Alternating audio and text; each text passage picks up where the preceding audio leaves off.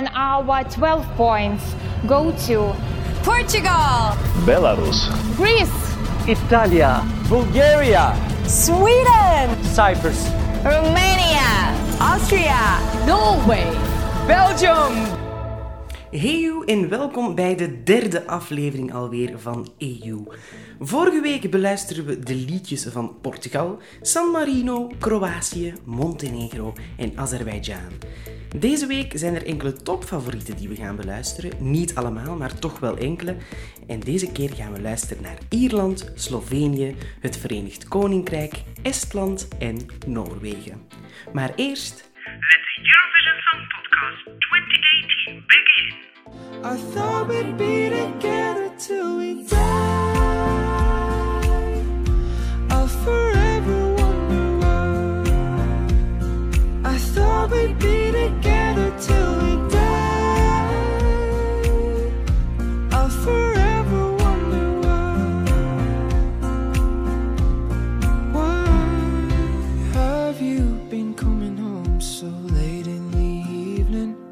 Dit was Ierland met het liedje Together van Ryan O'Shaughnessy. Dit lied, dat zou toch gewoon zo van Ed Sheeran kunnen zijn? Allee, dat is toch mijn mening daarover? Het is een lied dat echt bij Ed Sheeran zou passen. Ierland deed het vroeger heel goed op het Eurovisie Songfestival, want het land heeft tot nu toe het meeste overwinningen behaald. Maar tegenwoordig doen ze het niet meer zo goed. En ook opnieuw, dit lied zou wat te soft zijn om het Eurovisie Songfestival te winnen. Johnny Logan, die uit Ierland komt, die heel bekend is voor zijn overwinningen, van onder andere het liedje Hold Me Now, die zegt al enkele jaren dat er echt wel dringend iets moet veranderen aan de inzending van Ierland, want al die liedjes zijn te soft. En ja, eigenlijk kunnen we dat alleen maar bevestigen aan de hand van YouTube en aan de hand van de betting odds. Want YouTube plaatst Ierland ergens achteraan. Het is opnieuw, als er commentaren komen, te soft, te monotoon. Maar ik denk wel dat indien Ed Sheeran het had gezongen, dat het wel in de top zou zijn geweest. Want dit is echt een Ed Sheeran lied. De betting die plaatst Ierland op een dertigste plaats. Het is niet genoeg om de finale te halen, want je moet in de top 25 eindigen om bij de finale te kunnen deelnemen. Een fun fact erover is dat de videoclip dat daar een homokoppel met elkaar danst door de straten van een Ierse stad. En ja, je weet, het Eurovisie Songfestival dat is iets heel groots voor de Holibi-gemeenschap. En daar heeft Ierland dan wel weer proberen op inspelen. Maar nu gaan we even naar een andere coté. Ne se.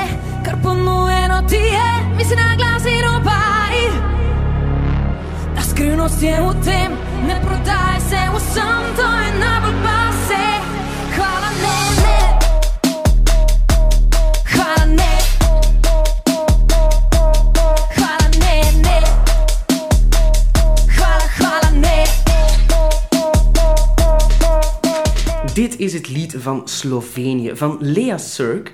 En het lied heet Hvala Ne. Heel moeilijk te uit te spreken, want het is zo meer een g die wij niet echt kunnen. En Hvala Ne, dat betekent nee bedankt in het Sloveens, maar ook in andere talen, in Montenegro bijvoorbeeld. In de Balkan lijken de talen heel erg op elkaar. Dus Hvala Ne betekent nee bedankt. Het is een van mijn persoonlijke favorieten. Waarom? Niet omdat het refrein zo leuk is om op te dansen, maar ook omdat de opbouw naar het refrein zo typisch Eurosong is. En ik hou echt wel van die typische Eurosonggeluiden, die typische Eurosongdeuntjes. En Lea Surk die komt dus ook naar Eurovision in Concert op 14 april in Afas Live in Amsterdam. Slovenië doet het zelden goed op Eurosong, maar ik denk dat deze keer daar wel eens verandering in kan komen. Want YouTube plaatst ze vaak in de top 20, dus eh, je moet in de top 25 zitten om in de finale te komen.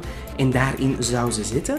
Maar de betting odds die denken daar dan weer helemaal anders over, want de betting odds zijn weer helemaal veranderd trouwens. Alles is weer door elkaar gegaan. Slovenië zou op de voorlaatste plaats komen te staan, dus niet naar de finale gaan. En ik zeg net, de betting odds zijn weer helemaal veranderd. Ja, weet je hoeveelste wij zouden worden volgens de betting odds? Dat is opnieuw vierde. Zouden we nu een derde keer vierde worden? Ik moet zeggen, ik ben enerzijds excited, want dat betekent dat we bij de topfavorieten horen. Maar ik wil toch gewoon eens een keer meemaken dat we het Eurovisie Songfestival winnen. En over het Westen gesproken, daar gaan we nu naartoe.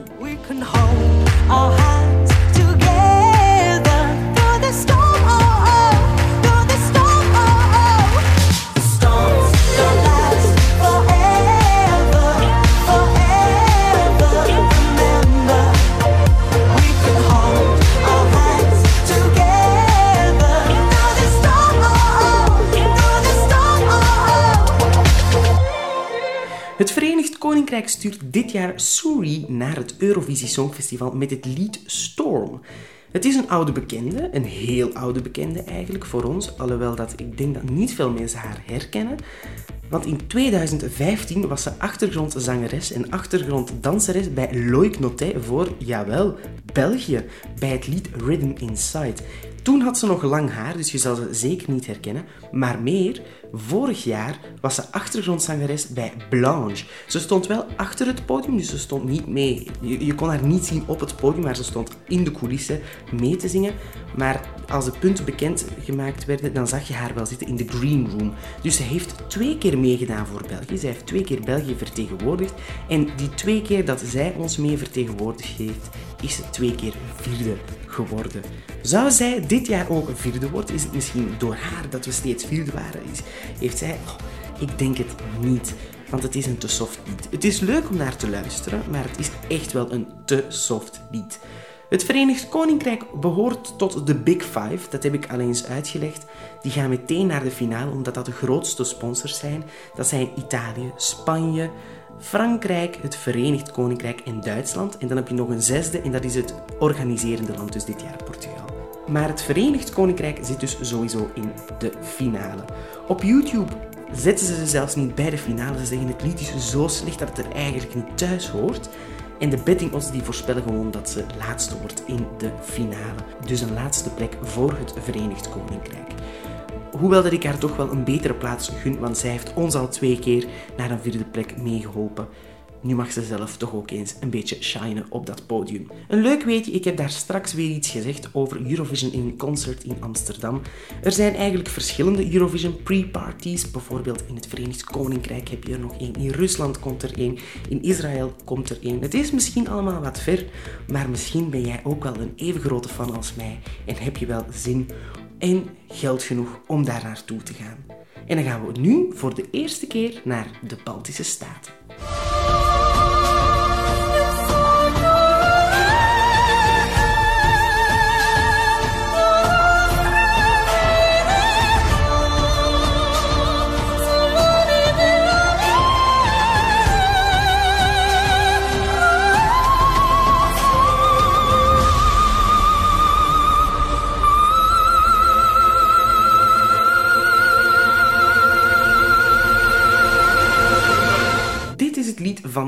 Estland en het lied wordt in het Italiaans gezongen. Het heet La Forza en het wordt weer al zo'n moeilijke naam gezongen door Elina Nechajeva. Ik hoop dat jullie trommelvliezen niet kapot zijn gesprongen, want ze zingt ongelooflijk hoog. Dat einde is onmenselijk gewoon, maar het is wel een topfavoriet van dit jaar. Een weetje, opera doet het meestal wel goed op het Eurovisie Songfestival. Want enkele jaren geleden eh, deed er voor Roemenië een man mee die een beetje op een vampier leek. Roemenië is ook het land van de vampieren. Hij had toen een lange rok aan en hij zong heel erg hoog voor een man. Maar hij is ook wel vrij hoog gestrand in de finale. Nu is het wel een degelijke vrouw. Ze zal ook een heel lange rok aan hebben, waarop van alles geprojecteerd zal worden. Maar dit is echt een mogelijke kanshebber. Dit kan echt de winnares zijn van het Eurovisie Songfestival. De eerste keer dat ik het hoorde, dacht ik echt van... opera, oké, nee. Maar na het een paar keer te beluisteren, denk ik echt van... Oh, geweldig dat ik nog eens mijn oortjes in mijn oren kan steken en naar het lied van Estland kan luisteren. En YouTube denkt daar hetzelfde over, want ze plaatsen Estland steeds in de top 5.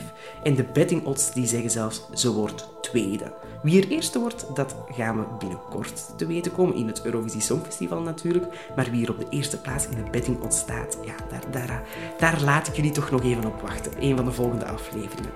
Maar zou dit een tweede overwinning voor Estland in de hele geschiedenis van Eurosong worden? Wie weet volgend jaar Tallinn 2019. We shall see. En de laatste kandidaat van deze aflevering is wel een heel oude bekende. With me. Step one, believe in it and sing it all day long. Step two, just roll with it. That's how you write a song.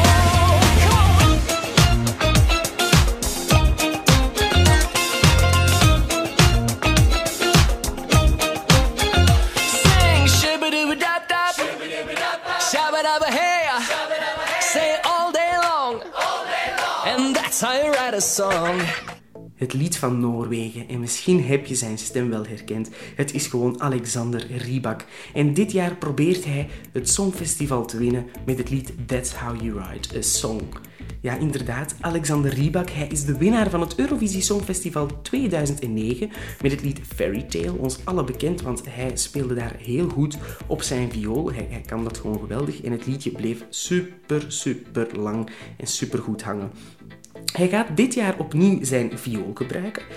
En het doet me eigenlijk een beetje denken, dit lied, aan het lied dat de organisatoren van Eurosong enkele jaren geleden hebben gemaakt. Het lied Love, Love, Peace, Peace.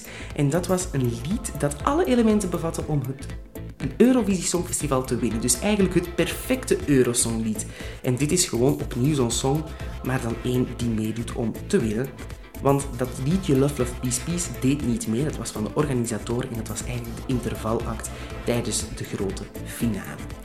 Alexander Rybak is een echte publieksfavoriet, want tot twee jaar geleden was hij degene in de Eurovisie Songfestival geschiedenis die de hoogste score als winnaar ooit had bereikt. Maar sinds twee jaar is er een nieuwe puntentelling, waardoor de scores in 500 of in 600 zelfs normaal zijn. Maar wie weet, wie weet wint hij gewoon het Eurovisie Songfestival opnieuw. YouTube reageert verdeeld, wat normaal is denk ik, want je verwacht veel door zijn vorige liedje Fairy Tale. En dit is iets helemaal anders en heel veel mensen zeggen dit past totaal niet bij Alexander Rybak. Maar de betting odds die denken helemaal anders, want hij zou achtste worden in de grote finale. Ja, ja, dat is zoiets dat we ons blijven afvragen. Wie wint het Eurovisie Songfestival van 2018? Dat zal een vraag blijven tot en met 12 mei. En tot dan, ja, zal ik elke week een podcast plaatsen op het internet. En blijf ik zeggen, And the winner of the Eurovision Song Contest 2018 is... Portugal. Belarus. Greece, Italia. Bulgaria. Sweden. Cyprus. Romania. Austria. Norway. Belgium.